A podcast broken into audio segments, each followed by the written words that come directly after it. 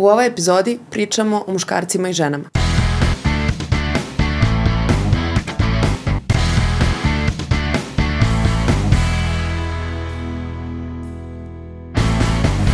U današnjoj temi koristit ćemo pojmove poj, e, pola i roda kao sinonime. Oni nisu nužno to, ali nećemo to dublje zazaziti. Dakle, govorit ćemo o razlikama između muškaraca i žena, tome kako percipiraju svet, kako ih svet tretira i kako to utiče na njihove mentalno blagostanje, psihijatrijske poremeće i tako dalje.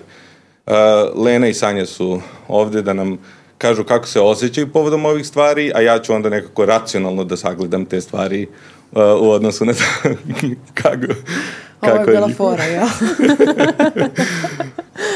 to, je, to su naše rodne uloge nama, nama je namestile. A tvoja rodna uloga da objasniš stvari, a mi možemo samo da ih eto intuitivno nekako obradimo. obradimo. A ja to racionalno ipak.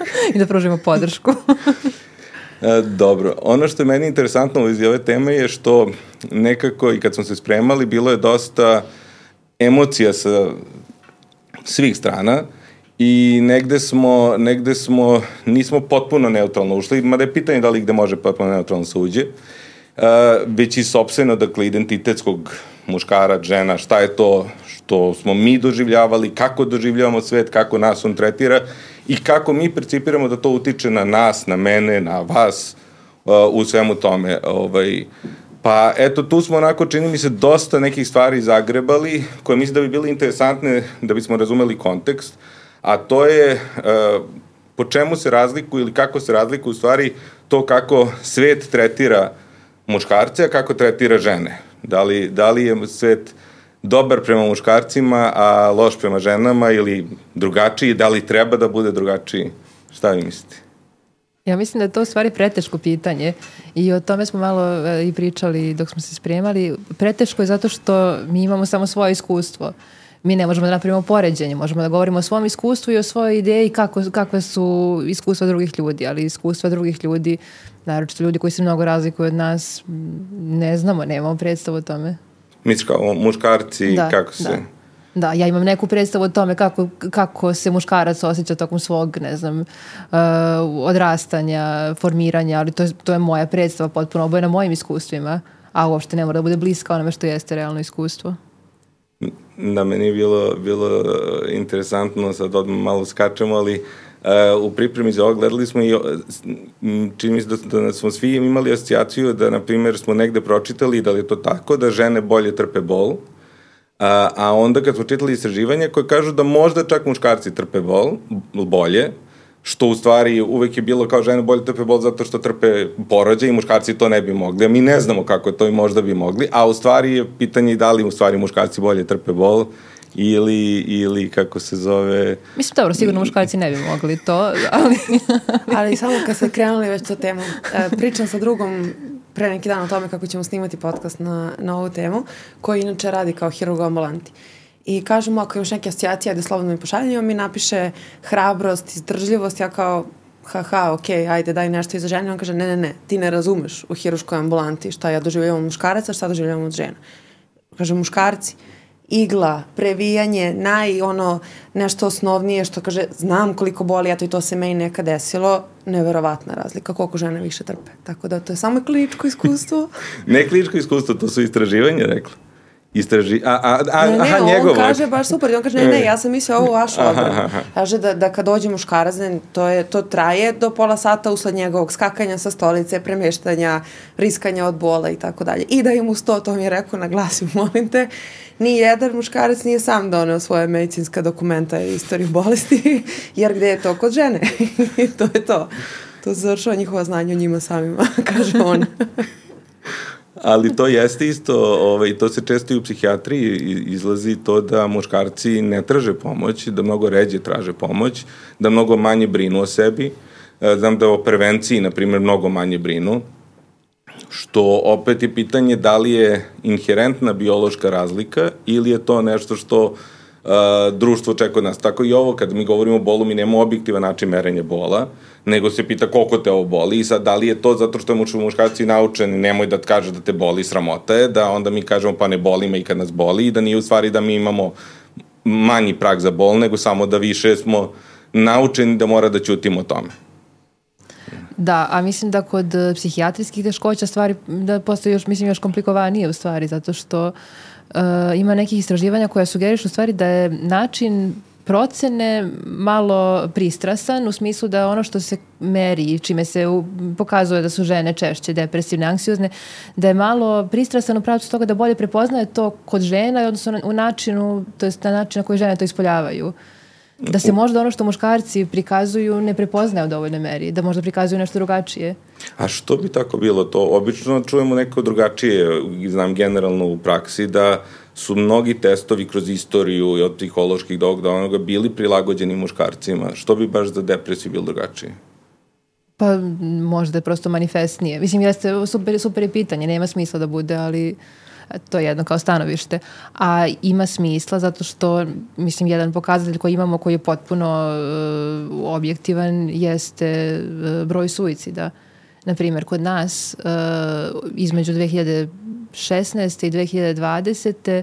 u grupi adolescenata od 15-24 godine broj suicida ukupno je, na primjer, bio 130 i nešto, od toga je oko 115 bilo dečaka. I u adultnoj populaciji Isto, da. su, su dosta češći suicidi. Ali su... to je objektivno, to je neka patnja koju mi ne prepoznajemo. Ali su pokušali samoubistva češći kod žene. Da. I onda možda, možda se tu ne radi nužno o tome da li neko ima više, niš, možda je prosto različit tip, možda muškarci ređe imaju depresiju, ali kada je te, prisutna da je mnogo te, većeg intenziteta, mm. možda, ne možda. znam. Možda, ne. ili ne prepoznajemo nešto. Ili je možda to onaj prvi deo koji si ti rekao, da muškarci ne govore o tome. E sad ne znamo, to možda može bude naš narcizam, mi pomažemo više ako se neko javi, ali opet s druge strane znamo da su svi ti problemi, svi tog tipa, depresija, anksiozno, češći kod, kod žena, dok su kod muškaraca to neki problemi koji će eksternalizovati tipa zavisnosti od substanci. Ne. Kad smo kod zavisnosti od substanci, ovaj, jedna interesantna činjenica jeste da su sada i dalje u većem broju muškarci zavisnici u odnosu na žene, s tim što se taj trend značajno menja kroz poslednjih deceniju dve, dakle žene sustižu muškarce u tom negativnom smislu, ali ovaj jedan od uh, podataka izveštaja Evropskog centra za monitoring droga je da kad žene počnu zaupotrebljavaju droge, njihova stopa upotrebe skače brže nego kod muškaraca. Mm u, u smislu brže se navlači. Da, i, i kao intenzivnije odmah kreću u taj proces zavisno, mislim kreću. Mm. Intenzivnije baš to, kreću da koriste droge samim tim. O, i, I mnogo je uh, veći procenat uh, muškaraca koji se leče od zavisnosti nego žena. I onda sad tu imamo taj deo da možda muškarce nije sramota što su zavisnici, a žene jeste. A nije ih sramota, na primjer, anksioznosti i depresija, muškarce jeste koliko mi je, koliko mi je sad ovo interesantno mi kaže, zato što onako, kad imam sliku, na primer, osobe koja je zavisna od alkoholizma, ja imam sliku muškarca, mm. a kad imam sliku osobe zavisne od narkotika, ja imam sliku žene, ja bukvalno mislim da to zbog toga što je mog kuma omiljena knjiga, da su bila Mi deca stanice Zo, Zo koja je žena i ja sam tako nekako u detincu kad se prvi put susreo sa tim pojmom i idejom zavisnika, imao i ženu i to je koliko je to onda subjektivan deo gde ja sad imam tu ideju, žena koristi narkotike, a muškarac alkohol zbog naravno svega što imamo i što jeste. Meni to bilo onako, ja sećam, ja sam negde odnos 2 prema 1, znači oko 66% uh, žene, a 33% muškarci su sa depresijom u nekim epidemiološkim studijama. Ali, na primjer, kad sam radio doktorat, u mom uzorku bilo je oko 80 i plus posto žene i svega manje od 20% muškarci. Onda sam ja onako razmišljao, pa gde su moji muškarci depresivni, zašto imam tu diskrepancu u, u svom uzorku.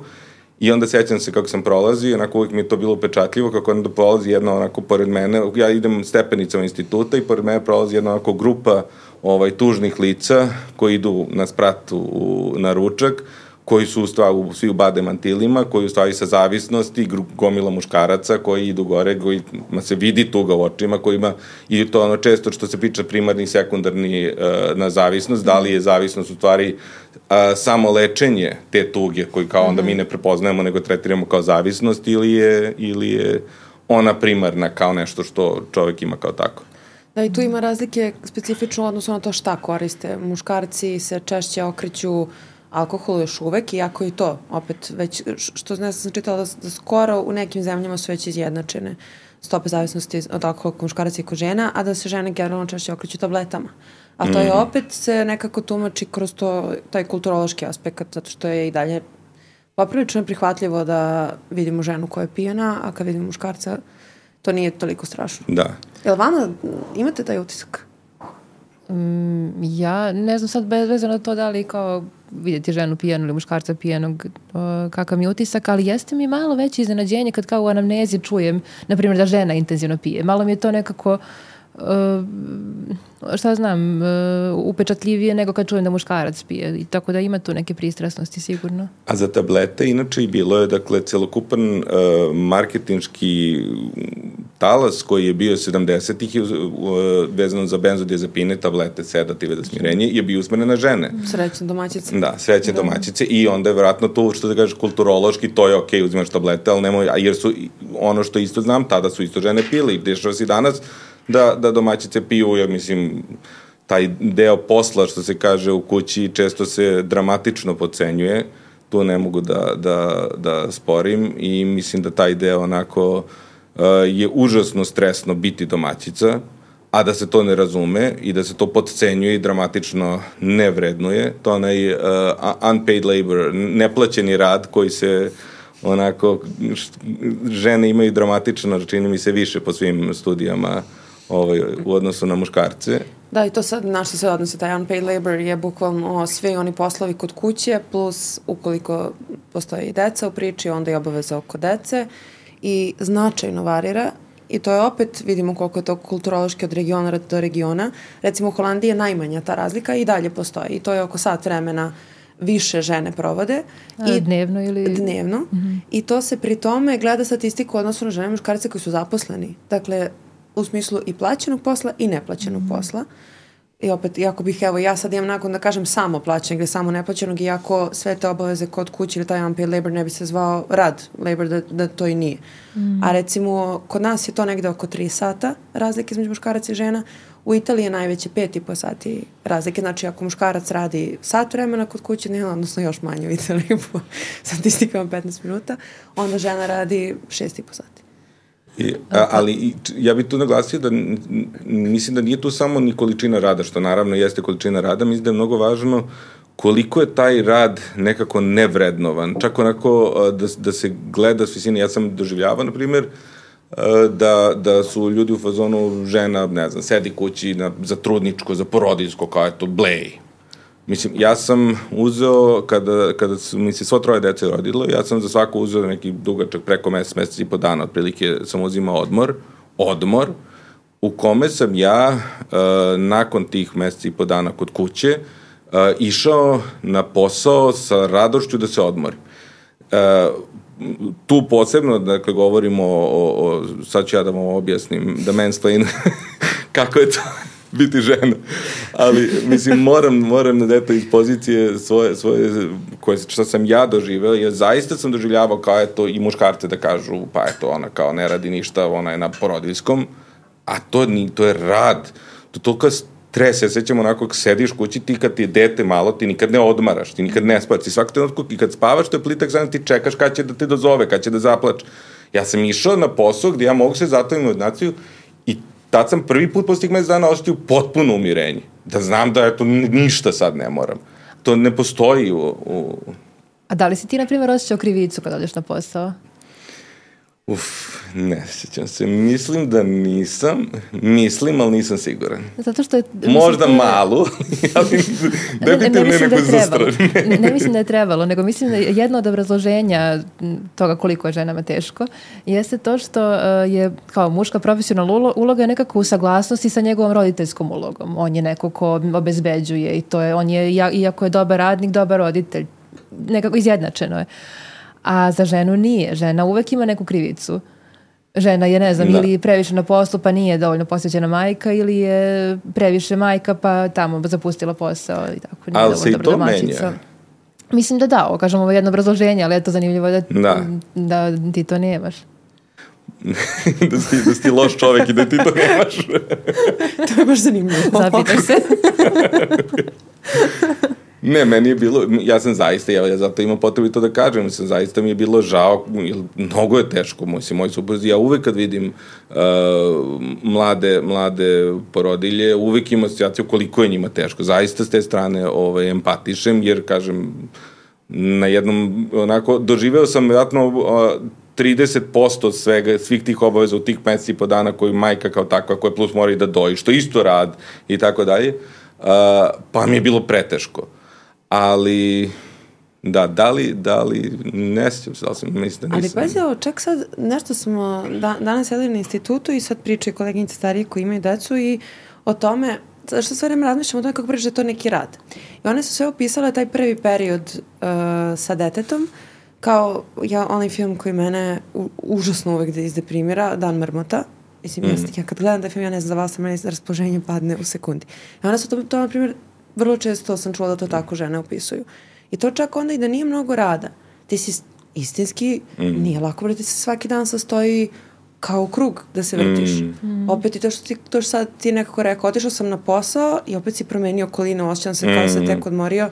Žene to nemaju intelektualna stimulacija koliko pada, znači Tako to je. dete je najdivni i, a drugo je ovo što kažeš ti krivica. Krivica oko, od toga da, onda, što, što se, ti je... Što, da, što nije, nije ti strava, što po cijel dan sluš gugu gaga i što je divno i, znači, stvarno lepo je, ali onda u nekom trenutku posto hoćeš da čuješ i nešto ovaj šire. Mislim, jeste, stvarno je taj deo, taj deo je baš eh, za žene specifičan i tu, ono, Uh, teško je, ali je teško i nama muškarcima.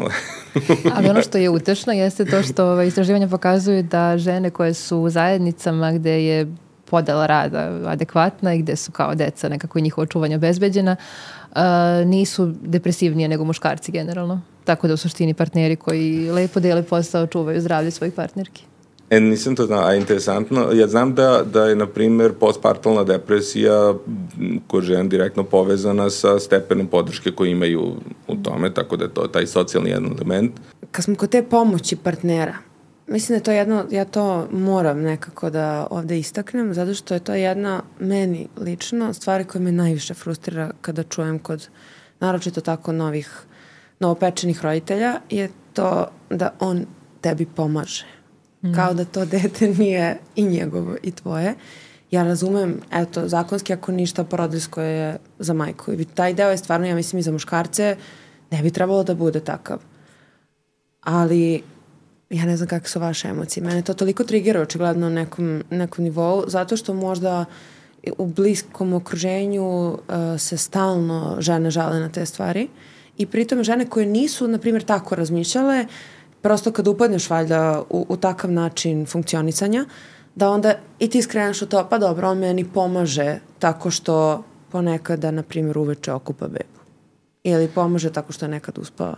Ili bilo šta tih banalnih primjera ja, ja moram, života. Da, ja moram se kažem da sam bio kriv za te stvari, ne za decu, za decu nikad, mislim nikad, sad ajde da ne budem nefer, ali vezano za kućne poslove se dešavalo da ono tako nešto izgovorim i onda mi supruga kaže pa nećeš meni da spremiš, nego ćeš nama da on našu. Ako, pa dobro, ali kao ti tražiš. A meni ne treba hrana. ovo nisu moji sudovi, ovo je tu. se desilo ovo, i ova deca i ova kuća. I sve se desilo. Za decu sam se uvek trudio, ali da, ovaj deo postoji, mislim, ali A što mislite da postoji? Pošto sam skoro isto u razgovoru imala taj moment da mi je ovaj, dačko rekao pa dobro, ali tebi nekako ipak prirodnije to dođe da očistiš ili tako nešto. Šta mislite o tome, koji je to deo prirode, a, a šta je to što je naučeno? Mislim da su to mame, jer moram da priznam da ja sa svojom mamom imam takav odnos kao što mnogi muškarci imaju sa svojim suprugama. Ja mami pomažem oko sudova, ja mami pomažem oko pripreme, mislim, redko pomažem. Tako da ovaj, možda je to do mama. Ali ovo, ja bi se, ja ne znam, ja verujem da je ogroman deo toga, de, deo toga zaista kulturološki, ali taj deo bi, nekako to sam, bih volio sada da se dotaknemo šta po ti mislimo. Dakle, Uh, nekako mi ovde govorimo muškarci i žene i govorimo dakle o tome da imamo dva pola koje imaju određene razlike, ali je mnogo važno da naglasimo dakle da te razlike ni u jednoj jedinoj kategoriji nisu apsolutne. Dakle, nisu muškarci ovo, a žene ovo i sad to je tako. Sa Marsa i Venere. Da. Ove, ovaj, nego postoji, dakle, ono što smo rekli, nekakve gausove krive, dakle, normalne raspodele od onako ekstremnih, da kažemo, možemo koristimo koliko ko radi. Sad, najveći broj, to si ti pomenjala, znači, najveći broj ljudi radi negde u srednje, pa imamo one koji rade malo i oni koji rade najviše. Ili po visini, imamo one koji su vrlo niski, one koji su vrlo visoki, imamo najveći broj ljudi negde u proseku i to onako izgleda kao Zvon. zvon kao jedno zvono. E sad kad mi podelimo muškarce i žene i gledamo svako od njih na primjer na, ako je ta uh, Y osa ili uh, i ova, uh, X Y osa, dakle, gde se nalaze uh, njihove te srednje vrednosti, te Gaussove krive mogu da budu malo pomerene, odnosno da muškarci budu malo više ovo ili malo manje, onda odnosno žene malo više, malo manje. Uh, posebno, da kažem, to je očigledno primjer u fizičkim karakteristikama, visina, snaga i tako dalje. Tu nije onda malo, tu se onda značajno pomeraju da. i ne preklapaju. Preklapaju u se i tu. I tu, ali mnogo, mnogo manje. Mnogo manje. A s druge strane, ovaj, kod psihološke karakteristika je to mnogo, mnogo preklopljenije, negde potpuno, negde postoje minimalne razlike, I sad se postavlja pitanje, čak i tu, da li su te razlike, dakle, nešto što je biološki nama inherentno, odnosno da li smo mi rođeni prosto tako različiti ili je to kultura koja na to utiče? I u svemu opet kultura apsolutno sigurno ima puno utice i samo je pitanje u kojoj meri je tu prisutna ili nije prisutna biologija, u kojoj meri mi u stvari biologijom opravdavamo to što se tako ponašamo. Eto, mi muškarci, nama je sve jedno da li kuća prljava i kao eto, ženama je lakše da da mm. očiste. Da li je to... Ali mislim da, mislim da je to možda i najvažnije što kažeš. Mislim, sigurno sam da kultura ima ogromnu ulogu, biologija verovatno ima neku ulogu, ali je u stvari pitanje kako se, kako se ti zaključci koriste, kako, kako ti u stvari na kraju izvedeš, premi, mislim, ovaj, zaključke iz, iz toga jer mi, mislim, ne, mislim da ne treba postoji dihotomija sa nekom kao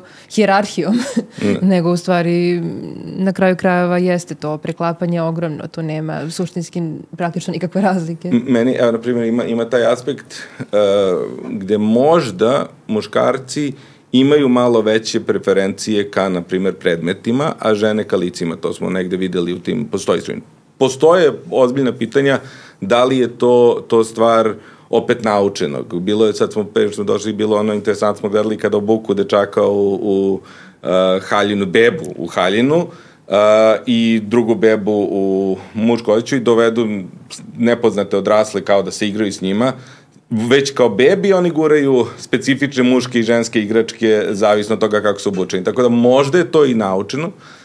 Meni je uvek nekako ideja ja verujem dakle, da smo mi evoluirali.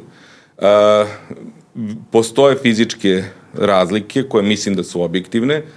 Verujem da ako ti evolucija da fizičke neke karakteristike, da očekuje da ih upotrebiš, dakle da se to onda manifestuje u određenoj meri i ponašajno i, i, i psihološki na nivou statistike, ovaj, ali što kaže nema da bude, ali opet to može biti u velikoj meri i do, da dođe do opravdavanja različitih loših stvari i zato, na primjer, kad kažem to, da li muškarci su bolji sa stvarima ili ne.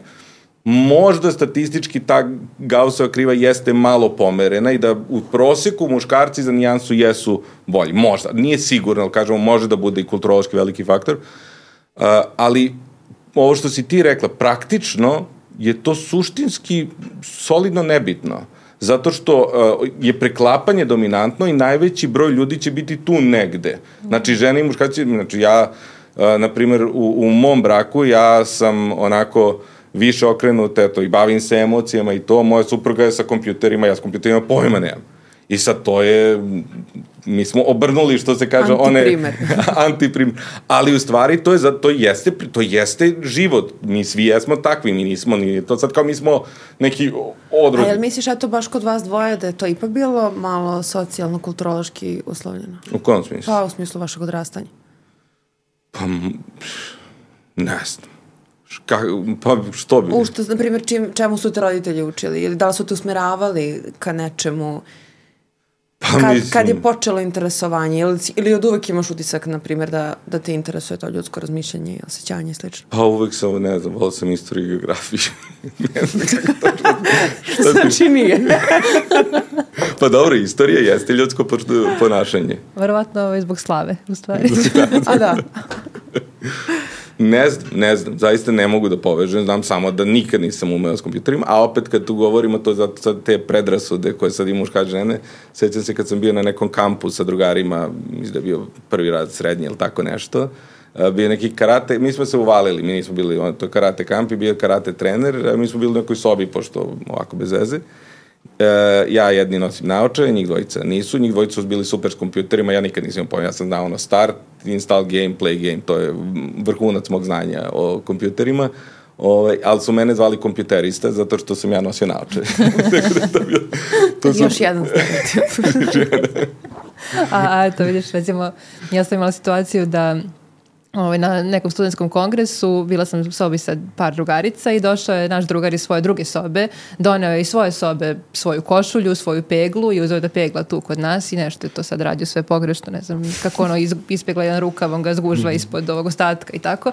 I onda jedan drugi dečko nama trima kaže, pa zar vam nije žao čoveka, da, zar mu, da mu ne pomognete? ja. Jer mi imamo stvarno predispoziciju ka peglanju. A pa mi se, mi se gledamo to i sad mi se smejemo zato što je smešno, ali što kaže, kada ti od najranijih, uh, od bukvalno prve godine, primaš te vrste informacije, vrlo suptilno, vrlo onako perfidno, uh, koliko to može da utiče Mislim, ja, evo, baš, baš smo, uh, ja sam baš pominjao primjer moje čerke, ja, moje, moji sinovi mogu još da im daš ono, prva, uvek je prva stvar sa gomile ono što će da obuku. Čerka od godinu i po dve, tačno zna, bira, hoće ovu haljinu ovdje. I sad ja sam bio u fazonu, eto, devojčice. A što kaže, da li, da li ja nisam primetio ili nisam svestan tih sitih možda poruka o lepoti, ovome, onome koje možda čak ne ni od mene, možda i od mene, a da nisam toga svestan, možda od ostalih članova porodice ili, ili ne znam ni ja, o, koji su da, slati njoj, a koji, na primjer, dečacima nisu. Ne znam. Pa da, da, to, to kad smo pričali, baš smo i pomenule, koliko je njoj puta neko rekao kako si lepa u toj haljeni ili kako ti je lepa ta haljena ili samo, samo sobom kako si lepa, a koliko puta bilo kom dečaku neko rekao ta majica ti je baš lepa i jako si lepo u njoj. Pa, mislim, realno. A, na primjer, interesantno, kada gledaju istraživanja, uh, muškarcima isto je mnogo važnije kod žene lepota nego ženama uh, kod muškaraca. A, na primjer... Šta to govori muškarcima za ženama? A ženama je, na primjer, finansijski status mnogo, okay. mnogo... Ne, jeste. Po, to... Poričemo ovaj prethodni komentar. Ne, pa, da, ne govori smo, ništa. Svi... ne govori ništa. Ovaj, s te strane, s te strane isto... Ali dobro, to, to finansijski možda da se nadoveže na što si ti rekao, kako i u tim nekim sredinama tipa Skandinavije gde su sve te rodne razlike poprilično manje nego recimo na Balkanu, da, da i tamo žene biraju poslove koje, koje nekako, da kažem, su malo, ajde, reći lakši ili lakšim radnim vremenom ili šta? Pa ne, ja, ja ne, ja sam ovde, ne mislim da su lakši, mislim da mi imamo uh, vrlo iskrivljen odnos prema tome šta je lako, šta nije. Mislim da je tu onako ono što privređuje, meni je posao vaspitačice, učiteljice, mislim ono što su, da kažem, što mi nazivamo medicinske sestre ili doktorke, mislim, to su najteže, mislim, govorim doktori, zašto i, i, i, i tu mi imamo sad značajno, značajno sve veću dominaciju žena, su preteški poslovi.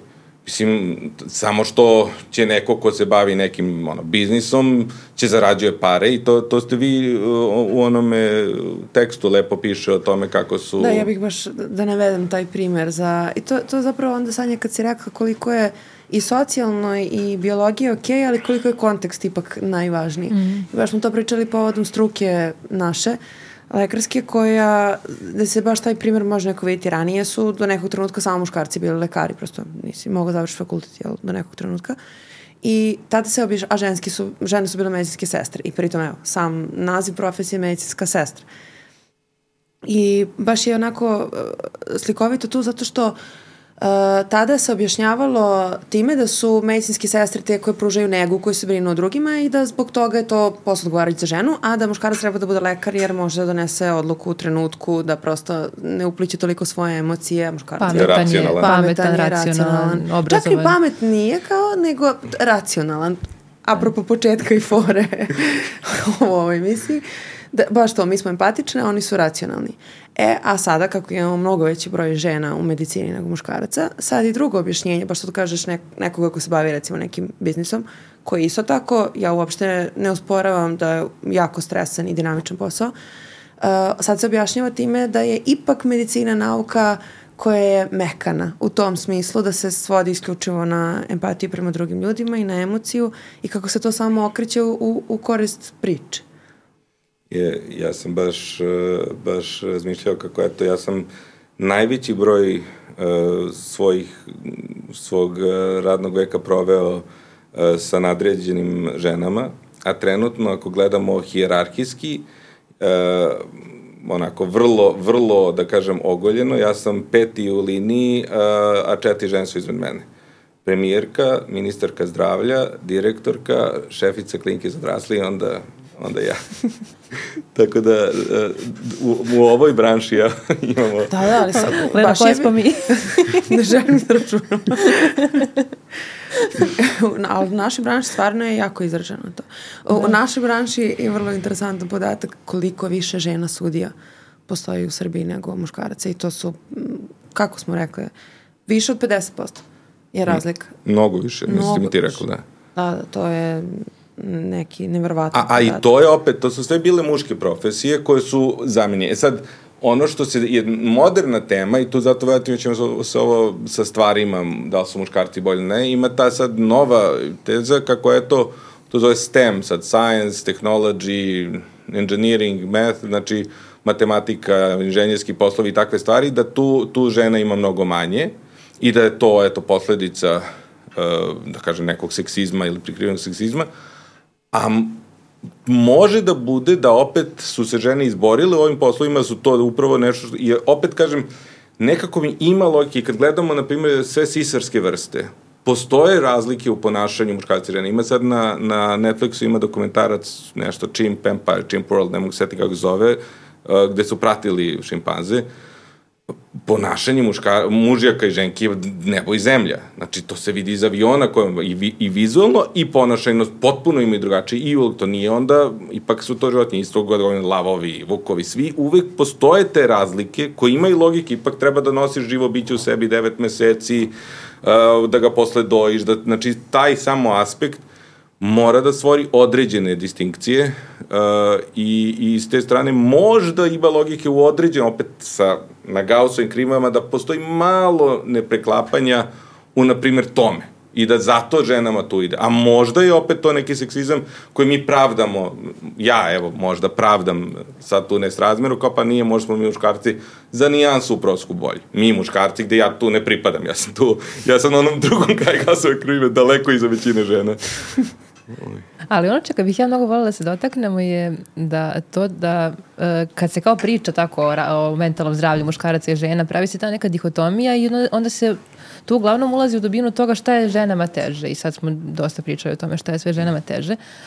Ali uh, procena, valjda, u stvari učestalost mentalnih poremećaja je jednaka kod muškaraca i žena. Či muškarci nisu prosečno zdraviji nego žene. Tako je. Sve ukupno, ne, kad Sve ne ukupno nisu, koji da, kao drugačiji je profil tegoba, ali su, ali učestalost je slična. I, ovaj, a nekako se ne ulazi u dubinu toga šta je, šta je muškarcima teško. Imam utisak da je to onako jedna jedna vrlo siva zona, da mi zapravo to i ne razumemo i da se nekako i ne zna.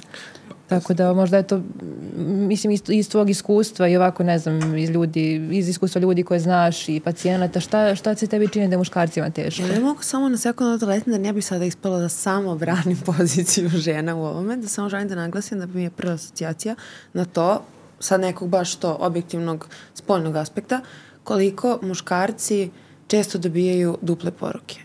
I da zaista mogu da zamislim koliko je teško, naročito odrastanje dečaka, što će naravno kasnije onda dovesti od toga kako si kao odrasla osoba, ali ja iskreno ne mogu da zamislim, jer, jer ne znam, evo sad opet, ajde subjektivno, sa strane žene, šta ja sve očekujem od muškarca, I bilo kom, da li je to partnerski odnos, da li je to kolegijalno, kako god, sto nekih stvari. Te nemoj da budeš previše ovo, te nemoj da budeš previše ono, to se isto odnosi na žene, ali imam utisak da muškarcima taj moment u današnjem svetu pretežak.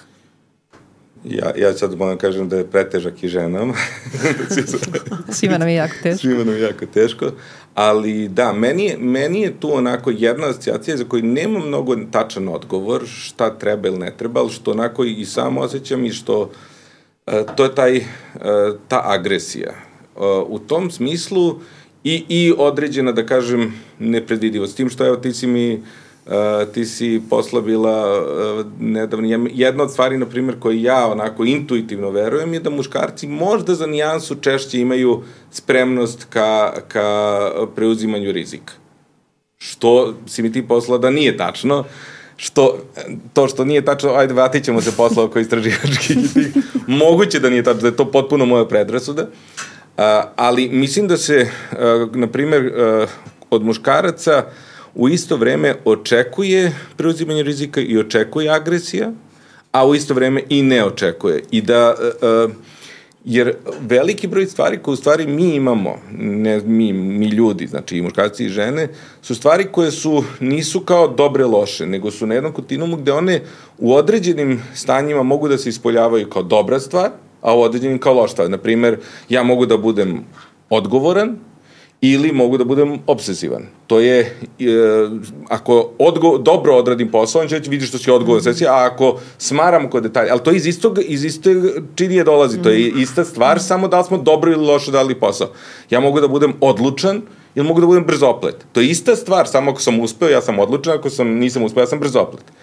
I onda tu onako, hoćemo da muškarci budu muškarci, hoćemo svi, ali čini mi se da je to za nijansu onako češće očekivano od muškaraca, da malo budu nepredvidivi, da budu uh, odlučni da onako preuzimaju rizike koji će doneti velike koristi, a onda kad se ne uspe, onda kaže, eto vidi, to je muški nesmatrenost ili ne znam, različite loše, loše, da kažem, tumačenje toga, ili isto za agresiju, hoćemo kad se ta agresija usmeri da brani, dakle, ženu, pošto je, postoji fizička, apsolutno fizička razlika u snazi, ili u nekakve ideale, ili bilo šta, ali ako se onda to preli u nekakve, ponekad i, i besmislene svađe ili čak fizičko suočavanje, ne, naravno prema ženama nikada nema opravdanja, ali među muškarcima i tako dalje, onda kažemo, eto, I uh, govorim da to različite poruke zato što mi ćemo da vidimo uh, zaista hvalospeve o ljudima koji se odu u jednu vrstu ekstrema ponašanja, kada je to dobro ispoljeno ili uspešno, a onda kažemo, e, ali nemoj tako ipak, jeste, mi ga tamo hvalimo, ali on je uspal, ti nemoj to i onda nekako, uh, a mislim da to postoji, mislim da je ta, na primjer, isto uh, agresivnost biološki uslovljena, jer, kažem, mužjaci praktično u svim sisarskim vrstama jesu agresivni, bez greške. I negde, i ta agresija je dominantno usmerena na druge muškarce i to je, postoji. Ja mislim da je to, kažem, nešto što je deo svih nas, da je naš društvo u velikoj meri, da kažem, uh, kastriralo u tom smislu da, da eto, mi ne ispoljavamo tu agresiju svakodnevno jednim među drugima, što je dobro, što je odlično, uh, ali da to čuči negde u mnogim muškarcima, a opet, kažem, ne smemo da ispoljimo, ali treba da ispoljimo. Ja, ja često onako sam i sam to, da kažem, uh, zbunjen i mislim da to dovodi do problema nekih da identitetskih ili u tome kako muškarac treba ili hoće da se osjeća, da se ispolji, da, uh, meni, meni to je ovaj, u nekoj u nekoj epizodi Roberto baš pominjao kako je važno da budemo u skladu sa modernim kulturom, pesmama, ovim onim. Ja kad čujem ove neke nove pesme, ono, ne znam, trap i ne znam koje sad, znači te poruke su pakao. Znači, nemoj da mi priđeš ako nemaš keša. Keš koji je isto jedna vrsta sad kapitalističke manifestacije, agresije, moći i tako dalje ti si onda bezvredan, ti si ako nisi najjači, najbolji, ti si niko, ovaj naj... I onda mislim da to čini da se ogroman broj ljudi osjeća loše, a to je ono što ste, ste vas dve čitale uh, vezano za te promene sa kapitalističkim društvom uopšte u odnosima i među muškarcima i ženama sa kapitalom, ulaskom. Da, to je bilo kako se promenilo od industrializacije do danas uloga muškaraca i žena, odnosno uh, koliko se cenilo drugačije, zato što su ženin resurs, je tako uslovno rečeno, je tada, do tada bila to briga o deci i ta možda o kući, sve što je bilo vezano za pa čak i fizički rad u polju, ako gledamo taj neki recimo par koji se bavi zemljoradnjom u tom trenutku i muškarac koji je prosto se bavi uglavnom fizičkim poslovima i onda od industrializacije žena je ostala u kući, uglavnom, a muškarci su bili prvi ti koji su krenuli, na primjer, biznisom da se bave. I onda je njihov resurs odjednom postao novac, koji je zamenljiv, odnosno koji ti i ja možemo da trgujemo novcem, a ti i ja ne možemo da trgujemo brigom. Unpaid Niti- labor, opet, ne- opet neplaćeni unpaid rad, labor, da. tako je. I žene su ostale, da kažem, samo na tom nivou koji je potpuno prestao se cijeni. Zbog čega? Mm. Zbog kapitalizma, mislim. A da, novac je u suštini nekako univerzalna vrednost za sve i može da se kao razmenjuje, a A i da se proceni, i ako da ćemo proceni, iskreno. Da. Mislim, ti ne možeš da proceniš Da. koliko je ženi teško, iako to čak možda i ne mora da se procenjuje. A privrženost deteta, majci, na primjer, ne može da se zameri Tako ni za šta ne može, mislim, nije, nije Pa nekako... dojenje, ti praviš hranu, Dojenje, energiju, to je potpuno rad jedan koji ti, koji kao ništa, ti kao eto. Mm. Ovaj, Normalno, očekuje se. Pa mislim, i I, jeste. I očekuje se, ali opet treba se, pa, ali onda kažemo očekuje se i da muškarac radi ovamo, a Da, tako da, da taj, deo, taj deo mislim da stvara jednu vrstu frustracije, čini mi se kod, kod mnogih muškaraca, jednosti nezadovoljstva, neispunjenosti, eh, neznanje u kom, šta, tre- šta se to zaista od mene očekuje. Ali kažem, mislim da to, ni, eh, to su te specifičnosti eh, polne u, u tome, ali to je apsolutno i od žena. Budi lepa, ali nemoj da budeš samo domaćica, ili nemoj samo da budeš lepa, možeš i da radiš, ali mislim, baš je... I tu, tu na primer, e, interesantno, e, za taj vizualni deo imamo dosta jasne podatke da značajno e, društvene mreže više utiču na žene nego na muškarce. Dakle, da je to, da tu, da kažem, Instagram i slične, slične platforme na žene utiču uh, značajno više dovodeći do nezadovoljstva, anksioznosti i tako dalje, dok muškarce ne. Iako i za muškarce imamo nerealne prikaze vizualne, onih mm. nabildovanih sa pločicom, što nije normalno. A to korelira sa onim šta je bitno muškarcima kod žena i obrnuto. Da, u Da. stvari, pa ti si nam poslao mnogo radova koji govore o tome koliko je važno biti lep. Ali važni muškarci, kada, kada se to radi, važno je, važno je, važni muškarci da su lepi ako ste primetili tamo. Ovo je zvučalo kao da je Milutinu važno da se bude lepo. Ne, mislim, Ne društvo. Da, društvo ima puno je istraživanja koje važno. pokazuju da, da, da je zaista lepota jedan faktor koji prosto utiče, ono, sada ovo poslednje čini da bi jedan rad gde, gde su, kada je bilo uživo, su lepi ljudi dobijali bolje ocene nego kad je bilo online. Da je, dakle, to postoji jedan faktor koji ne može se izmeri. Ako si lep, dobit ćeš uh, uh, bolje ocene. Znači, tre- treba svi da težimo u stvari tome da budemo jako, jako lepi. to je važno. Ali tu, uh, ja, ja se sećam, dakle, uh, ti si dobila zaposlenje u institutu, mi smo počeli uh, kritičko sagledavanje uh, literature i ja ste pre, pre tvog prvog dana, ja ste pozvao da dođeš da se upoznamo vidiš to. I ne znam koja je bila tema, ali onda bio, smo prokomentarisali jedan rad u kojem su uh, slali uh, slali uh, slike, CV-je na, na, za job application, za posao, dakle, pivu, uh, CV sa slikama. Mm -hmm. I napr imali su četiri slike, dva muška, dva ženska, s tim što su na jednoj slici je bila vitka žena, drugoj su i raširili da izgleda kao da je gojazna. I isto sa muškarcima uradili. I sad u radu su tumačili kako je uh, ženama uh, kada, koje nisu lepe teže i da je to pritisak na žene da budu lepe veći, možda si zaboravili, ja zapamtio, a ja ću ti zašto sam zapamtio, ovaj, pritisak na žene veći nego na muškarce, zato što su uh, lepe žene dobijale češće poziv, mršavija ta slika, je češće dobila poziv na, na razgovor posle CV-a nego slika goja za žene. Ali onda u tekstu kad se gledalo, uh, je uh, bilo se videlo da su gojazne, gojazna slika gojazne žene je jednako često dobijala poz, poziv kao slika uh, mršavog muškarca i kao slika gojaznog uh, muškarca, a slika uh, mršave žene je najčešće dobijala. U stvari, dakle, nije bilo... I onda sam ja pitao ko bi kako tumačio i zato sam zapamtio, si tad prvi put mene, da si ti javila bila, nikog nisi znala prvi put, da ti kažeš šta ti misliš, jer je to, da nam womansplainuješ. A što je me se meni jako svidelo, je važno da, da imaš stav i, da, mislim, a posebno mi je imprano što, si, što sam ja imao isti taj stav kao i ti, što si potvrdila moje viđenje, što je, Koje je što je najvažnije od svega. U stvari, Ko je ono što, racionalno? Mislim da jako si žena, si racionalna. I, ovaj, i, ali Još zašto... zvući će neko nešto iz konteksta. Ovaj, dakle, ono što, ono što, e, zašto, zašto mi to važno? Važno mi je zato što e, je užasno teško ovde da se nekako e, mi generalno imamo problem sa istraživanjima i s metodologijama istraživanja. To smo već negde ovde pominjali. Koliko je teško da se uzrok vidi, da li je određena razlika zaista biološka, da li je ona kulturalno uslovljena, da li je ona samo trenutak u vremenu ili nekakav proces i tako dalje i tako dalje. I sad, mi svi, kad radimo istraživanje, mi u stvari želimo nešto da pokažemo, neku poruku. I sad mi imamo odnos, čak i prema banalnim stvarima. Dakle, ja ako hoću da istražim da li, ne znam, u amigdali ima više neurona nego, ne znam, u hipokampusu, ja ću da imam pred ubeđenje i nekako bit će mi teško ako ne dobijem ono što sam hteo.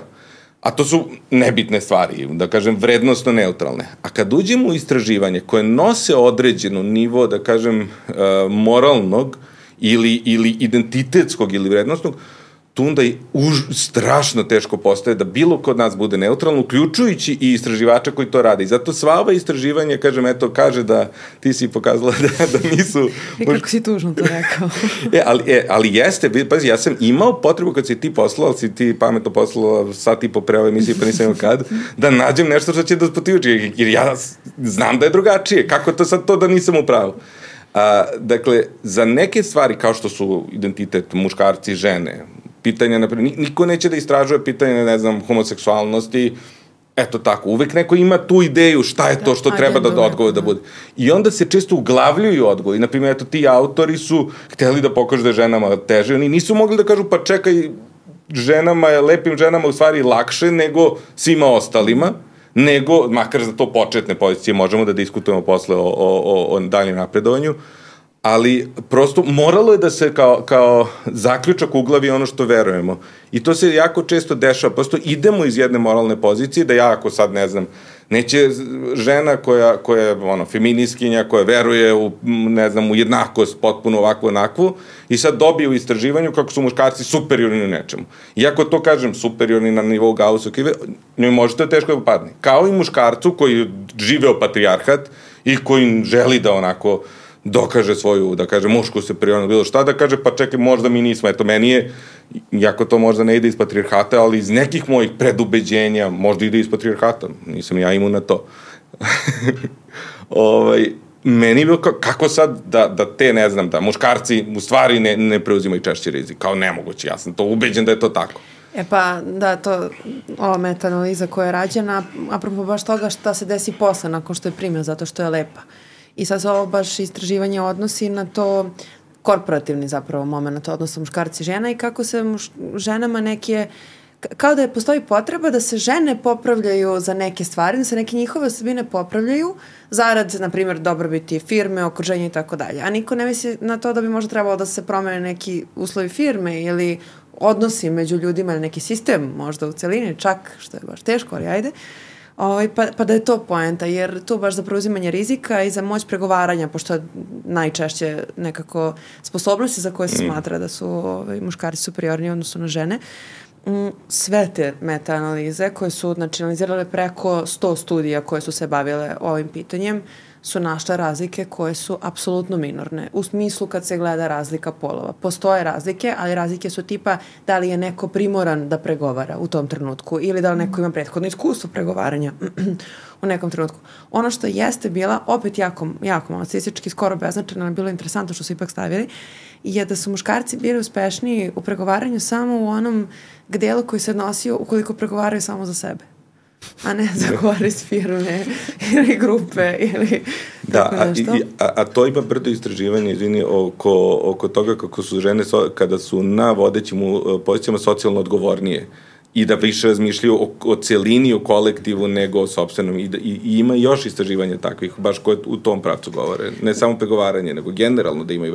O, ovo je bilo i za, za sad, one su ovde tumačili to kroz nekoliko razloga, što ajde, nekako više čini mi se da je ovo malo njihovo logično razmišljanje na temu zašto bi to moglo da se dešava u firmama ili okruženjima. Uh, I sad jedan od tih je recimo to da a, se ženama mnogo ređe daje feedback, odnosno povratna informacija o tome kakav je njihov uspeh na poslu. I onda je, znate ono kako kažu recimo nekim HR firmom, pa kada je to ženi mora subtilno da se uh, kaže kakav je učinak recimo u godišnjem izveštaju, jer su se dešavale situacije da žene odreaguju preterano da, na, istu, na istu kritiku muškarca i žene. I onda se recimo Uh, kaže, eto sad, to, to bi se pretumačilo, kao što se tumači u društvu generalno, kako su žene emotivne, muškarci racionalni i tako dalje. Ovaj, a u stvari onda recimo kad su pitali te muškarce, znači ne ono ko je evaluirao, nego muškarci koji su bili evaluirani, da li ste vi nekada pre ovog trenutka u nekom nonšalantnom razgovoru sa vašim šefom na recimo tokom gledanja neke sportske utakmice pa se tako združili ili igranja sad to je američke tržište pa golfa ili čega god tako sličnog, svaki od njih je rekao, po već 15. put u poslednjih, na primjer, 10 meseci, da sam ja, da mi je nešto rečeno. I što me briga za samo jedan, jednu od stavki ko, koju mi je već neko rekao, nekako ja već znam kako radim i tako dalje. I onda, recimo, taj aspekt se uopšte ne posmatra. Ženi si odjednom rekao nešto što, mm. čak i ne mora da bude loše. Nisu dali primjer da je žena loše radila, ne kao dobro, dobro. To, to su im bile stvari. I onda ti samo okrećeš opet, opet je to kontekst koji nekome u tom trenutku odgovara. To je bila jedna, bila je za feedback, uh, za, za to kao što žene ne preuzimaju rizike, recimo što se ne javljaju više na nekim tim, timskim sastancima. E tu recimo ima taj moment uh, za to kako se posmatraju neuspesi žena, kako se posmatraju neuspesi muškaraca. I ajde, opet stvarno ne želim da zvučim ovde kao da branim isključivo poziciju žena, ali prosto to su istraživanja pokazala, da se ženama mnoge, mnoge stvari više zameraju, u tom smislu kao da se gledaju pod lupom.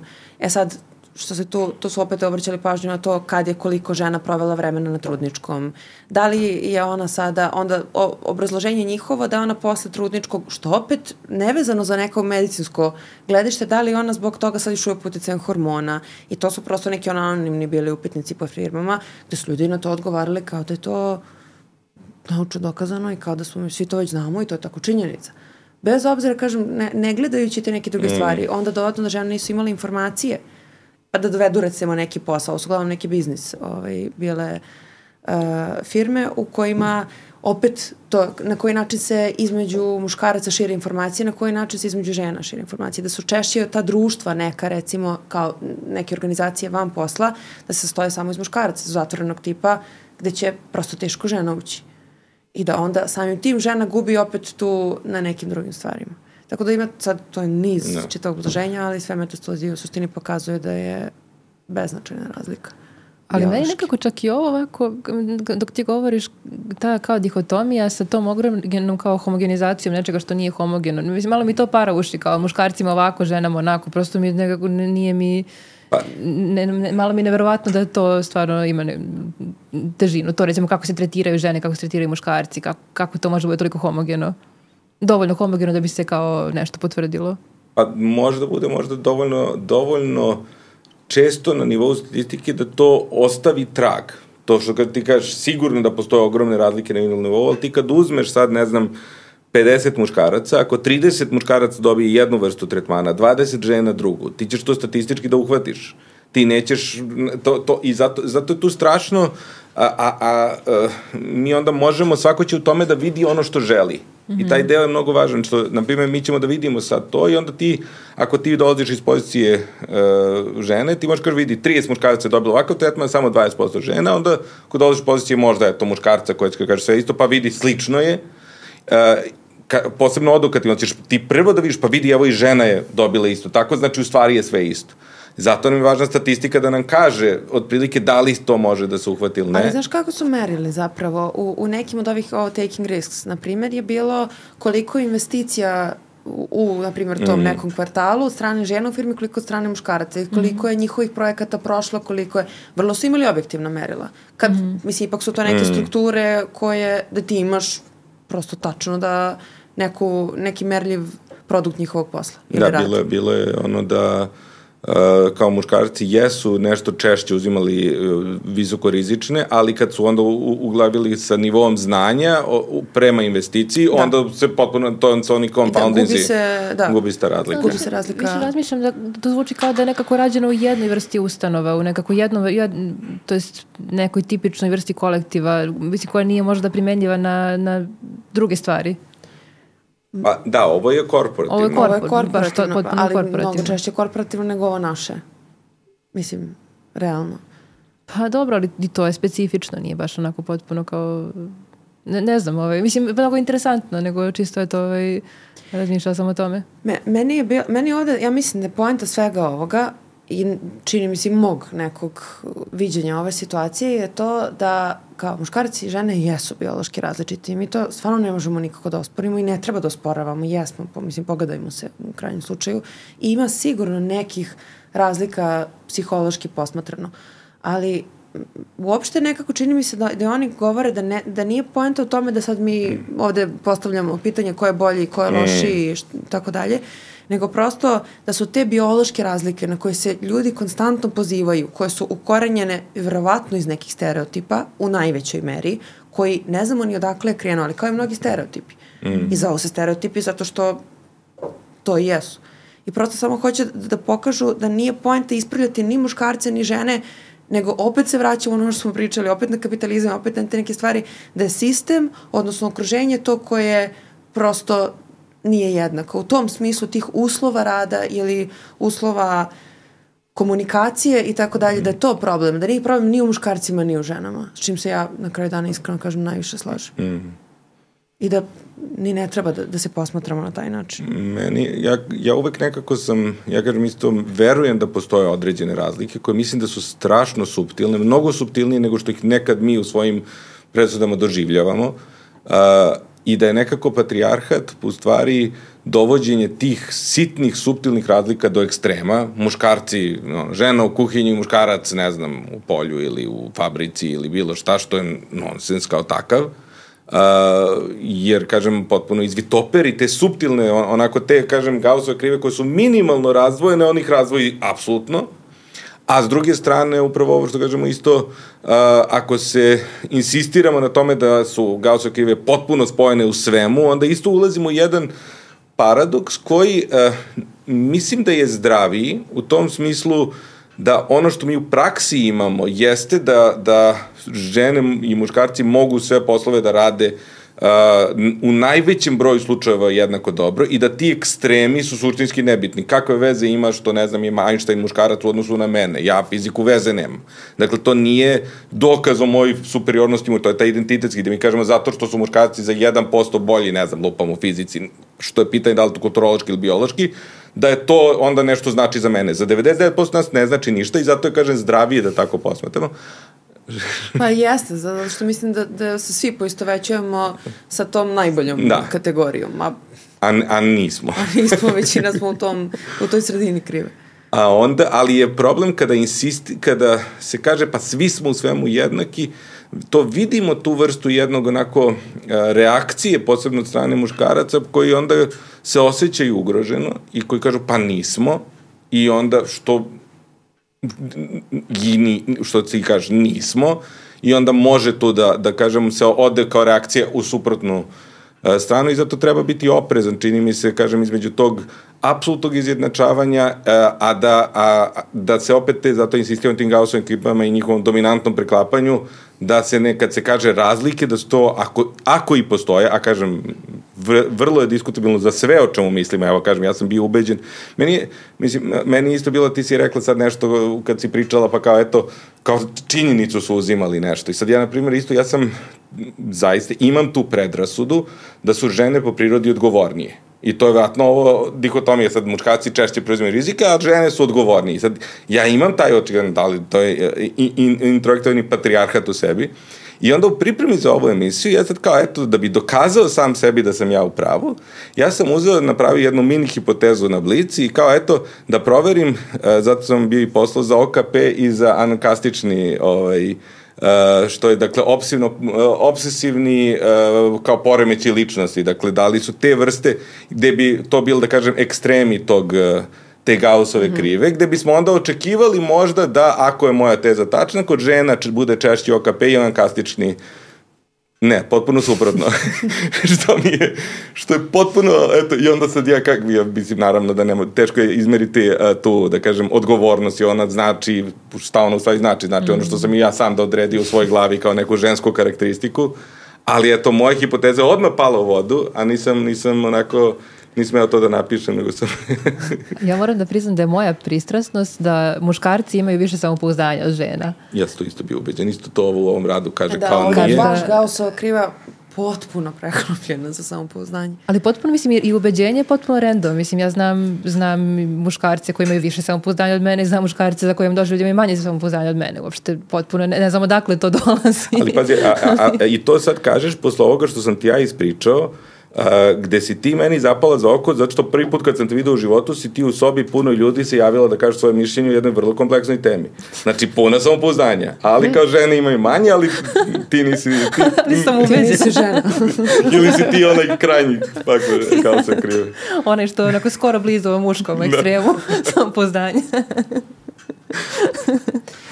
E, ja bih isto da, da još jednu stvar koja meni zapravo ono pokazuje bizarnost svega ovoga, iako smo se raspravljali ovde, da je nekako na kraju sve te razlike i razlike recimo koje su to mentalni poremeći u pitanju, a jesu definitivno različite, ovo smo rekli, koje su s polja kao unutra i tako dalje.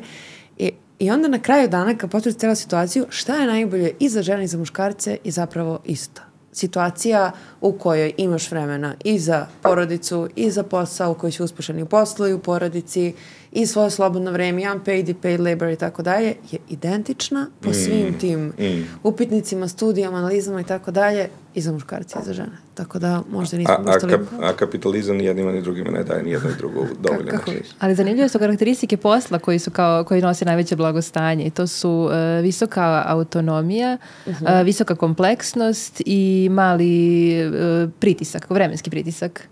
To su kao karakteristike posla. Pa kad Šta- malo tako i razmisliš, jeste. Da. Te karakteristike su najcenjenije. E, Ne, najbolje. ljudi su u najvećem blagostanju onda kad rade takve poslove. Da, s tim što uh, jedna još od stvari od kojih ja nisam siguran da sam uh, spreman potpuno da se odreknem kao da postoji određena biološka i osnova, uh, jeste taj deo gde uh, preferencija. Dakle, o, na primjer, uh, tu, uh, č- mislim da sam sad uh, bio vam nedavno isto poslao rade, pokazuje da žene generalno, na primjer, u, u matematici tim stvarima nisu loši od muškaraca, ali da češće prekinu sa studijama, da ih su manje zainteresovani uopšte da ih upisuju i to ima sad to ono što smo na početku rekli, da li muškarce više interesuju predmeti, a žene, žene e, češće lica. Da li je češće, opet, intuitivno imam i logike, evolutivno, kažem, majka ipak nosi to dete u stomaku, ipak mora da ga doji. Dakle, to je jedna fizička pri- prisnost koja je mnogo dublja od one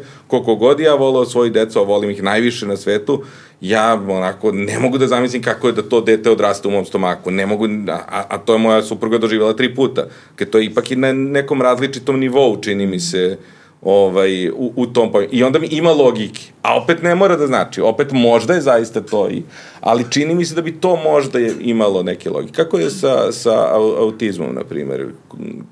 Pa klasično je autizam, poka, mislim, istraživanja pokazuju da je autizam recimo 3-4 puta češći kod dečaka nego kod devojčica. Ali se u nekim istraživanjima i to dovodi u pitanje, jer postoji mogućnost da se u stvari autizam kod devojčica ne prepoznaje. Ima, ima tih nekih teorija da devojčice uspešnije uslovno rečeno maskiraju simptome autizma, da bolje kompenzuju uh, one specifičnosti koje autizam nosi, da su kao generalno adaptiranije i da se onda teže i kao kasnije prepoznaje. Ali znači opet postoji neka razlika, nešto, nešto nije...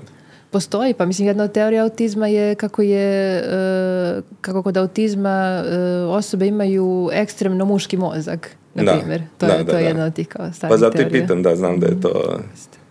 Ovaj, Da, kao ekstrem tih kao muških tipičnih osobina. uh, predmeti, nezainteresovan za lica, Tako je, da. Neprepoznavanje emocija i slično.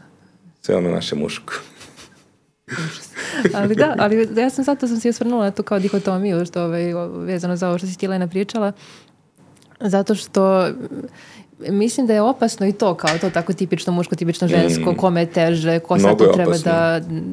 To, ne, e, mi smo puno pričali o tome šta sve ne valja što se žena tiče prvenstveno i šta bi to sve trebalo da bude bolje, ali mislim da mislim da bi mnogo toga moglo da bude bolje i za muškarce i za žene i mislim da uh, opasna je ta dihotomija jer se nekako postavljamo kao neprijatelji. Kao sad nekako muškarci treba da malo ustupe, da prestanu da budu dominantni, da bismo mi malo kao tu nekako nastupile.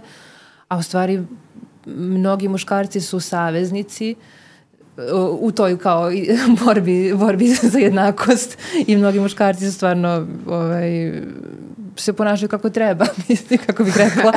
kako, kako ponašaju se kako treba, kako bi, kako bi nas svima bilo Sad dobro. si sve si, sve si. Kako bi nas svima bilo dobro. sad. Ne, Kako bi trebalo da se muškarci Jer, ponašaju. ne, ponašaju Svi se... smo saveznici, neki muškarci slušaju šta im se kaže. I rade kako, kako im je za pomoć. Neki muškarci se ne ponašaju nadmoćno.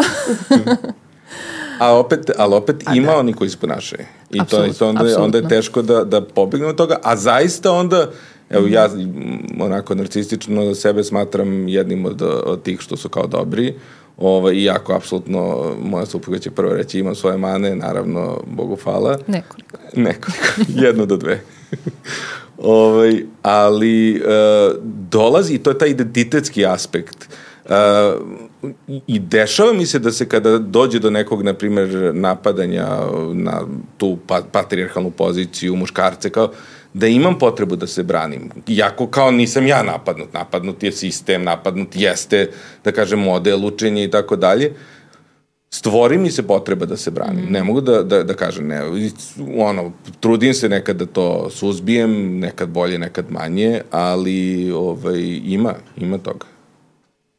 Pa dobro, ja mogu isto to da kažem. Mislim, i to je baš evidentno. Mislim, za nas dvoje. Ja imam potrebu, ne znam ni zašto, da, da branim žensko gledište. Mislim, zašto, znam zašto. Ali isto kao i ti.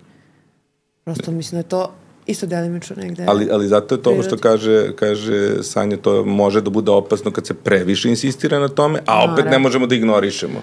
Užasno je teško napraviti balans između ta dva. Ti se sa mnom ne bi složio, ali ja mislim da su, da ići u ekstrem u bilo kom smislu nije baš dobro. Pa ja se slažem potpuno i mislim da ovaj, i priča se puno o, o tome šta sve za žene teško u društvu i mislim da i treba da se priča, da nije, nije uopšte e, višak toga. A onda se ponekad potegne to kao a šta je sa muškarcima. Ali ne, ne mislim da priča o ženama e, zauzima prostor muškarcima. A, ali mislim, se nekad tako osjećamo. Pa, Ja govorim u ime svih muškaraca. jer tačno znaš šta si. ovaj, ali mislim da je okej, okej i taj, e, to stanovište i treba dati prostora i muškarcima i treba dati prostora njihovim iskustvima i tome šta za njih može da bude bolje u društvu. Mislim da je to isto da Al- nije nešto za ignorisanje. A moram da se vratimo, ovo nije dobro ekstremi, nisam siguran. Uvek je neko stanovište, ovo što mi sada govorimo je dramatičan ekstrem u odnosu na ono što je bilo u 19. veku. Znači, to sad kad bi mi ovo pričali u 19. veku, oni bi nas gledali kao ko- kompletne kretene. Kako je moguće da žena može da bude u bilo čemu jednaka s muškarcem, kad je očigledno da su muškarci superiorni.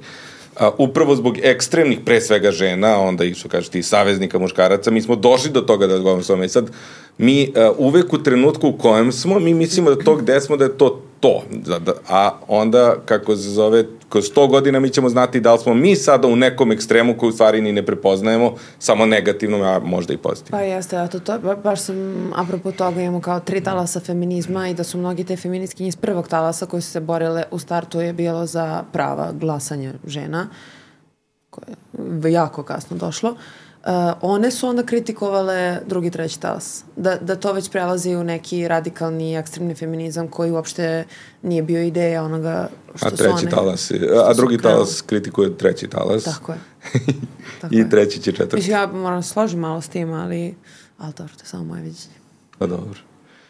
I to. I tu si ti sad za nekoga si ti ekstremna zbog toga što, što se toga. Tako da, dobar je ekstrem, gura stvari napred. Nekad neprijatan. Ekstrem je ne, meni, to što je meni neprijatno nekada, Uh, kad se napada pozicija muškaraca zbog mog identitetskog toga što sam ja muškarac, to nije lo, ja nisam mislio da je to loše, ja samo kažem ja se osjećam neprijatno, ali ja treba da se osjećam neprijatno, ali ta neprijatnost, a, ako sam ja dobar čovjek, će da me natera da, da razmišljam, zato ja evo prepoznajem i stvarno stvari u kojima Uh, mislim, meni je, evo kad govorimo o tim ekstremima, ja, ja mnogo volim tu priču od uh, mog dede, koji mi je pričao kako se njegova majka, moja prababa, u selu, u Mokličtu, jugoistočnoj Srbiji, uh, hvalila kako njen, njen muž ne bije. To je bilo pre manje od 100, pre 90 godina. Dakle, celo selo, koje je bilo veliko selo, 2-3 ljudi, ona se hvalila kako njen mu- muž ne bije. Koliko se to pomerilo? Koliko je to u stvari uh, i pomerilo se između oslog zbog ekstremnih žena koje su rekle nemoj da nas bijete i nije normalno da malo biješ se pomerilo, ali malo se i nije pomerilo. ne, nije do, do mere, ali pazi, niko se danas, što kaže, ne hvali time što je, to ipak se smatra danas da nije adekvatno. A nažalost, da, viđamo u praksi koliko je to imamo. I bar to je, na me primjer, ne bije. Ne. Bar me ne bije ili bar se ne opija, ne pije alkohol do opijanja ili bar I, ili, nažalost, povremeno dođe kući. i još uvek imamo i to, pa dobro, samo me par puta i nije me... Upravo to. U, još uvek postoji taj deo. Tu je deo, tu je deo na primjer, isto uh, gde, gde postoje, čini mi se, velike razlike u, u, u, u tom nekom uh, delu je, između oslo kad govorimo o tim razlikama muškarci i žene, možda je isto, a muškarci piju, ali postoji taj zaista jedna, uh, posebno u patriarkalnim društvima, veliki deo Srbije još uvek živi to, uh, gubitak autonomije žene u domaćinstvu, gde ona zaista može biti i fizički povređena i tako dalje, ja prosto opet je nešto što mi je strašno teško da empatski uđeš u tu poziciju da osoba s kojom živiš može da te bije. Mislim, to je, meni je to nestvarno, a to je nažalost nešto što im još uvek, kažem, mnogo je bolje, da se ne lažemo, mnogo je bolje, ali što kaže, još uvek se nažalost dešava i onda je tu... I ono što mi je isto upadljivo, uh, imao sam brojne pacijentkinje koje su imali zastrašujuće priče uh, obsesivnog praćenja, uh, pretnji i, i onda što se i završavalo i sa fizičkim nasetajima uh, muškaraca partnera, a na primjer suprotne priče nije bilo. Obsesivne par... Bilo je različitih, mume i žene vrlo da budu i verbalno agresivne i psihološko zlostavljanje i slično, ali uh, te vrste zaista jednog onako uh, sadističke fizičke agresivnosti, to, to zaista može samo kod, uh, skoro samo kod muškaraca. Dobro, ja sećam par primjera iz, iz dnevne gde, gde je bilo žena koja je više onako obsesivno obsjedaju. Možda nema tog sadističkog maltretiranja zato što verovatno iz primjerna perspektive ona shvata da ne može, na primjer, fizički da ga povredi na taj način, osim oružjem, na primjer, nekim. Ali da obsesivno odlazi u, u proganjanje, na primjer, ja sam to viđala, moram da priznam.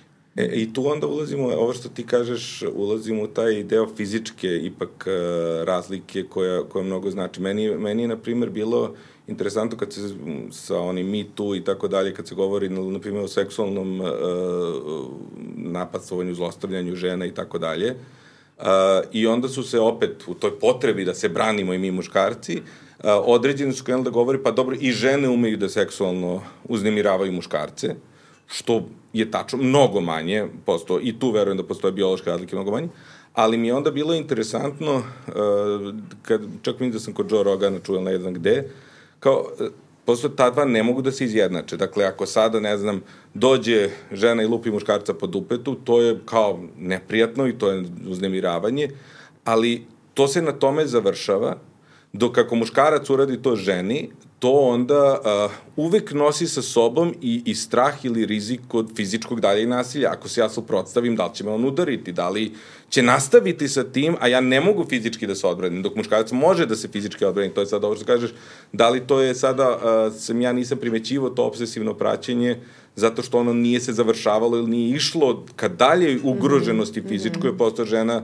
osim ako ne ide sa nekim, ali to se jako redko dešava sa vatrenim možemo mm -hmm. ili nešto, posto ne može na taj način da ugozi muškarca. A dobro, ja se slažem da ne može da se izjednači, da, mislim, prosečno ovo kao muško mnogo više ugrožavajuće, ali potpuno je neprihvatljivo jedno i drugo. Nekako treba tu ono biti jasan. Mislim, bilo kako mm -hmm. zlostavljanje sa bilo koje strane u bilo kom vidu je neprihvatljivo. Nije ovo neko žensko malo nekako prihvatljivije jer je malo manje ugrožavajuće. Ne, ne, nije prihvatljivije, ali, ali opet, kažem, Kvalitativno drugačije. Kvalitativno potpuno drugačije. Mislim, taj strah da neko može da, da te fizički nadlada je nešto što jeste specifično za ženski doživljaj samog događaja u odnosu na, na, na muški. Pa jeste u tom smislu. Možda muškarci imaju veću odgovornost da se savladaju kada, je, kad, kako se mm. osjećaju, ovaj, kad se osjećaju, ne znam, posebno uznemireno, ali jedno, jedna i druga strana imaju ogromnu odgovornost da ne budu nasilne na prema drugoj. Mislim, Ja bih možda da, da završimo priču Ako nemate još nešto što imamo smo... O svemu su pričali samo ne o psihijatriji, ali i to je okej. Okay. pa dobro, jesmo pomalo. malo smo. Da se odmorimo malo. da se odmorimo i da zaključamo da su muškarci i žene izgleda ipak sa planete Zemlje jedni i drugi.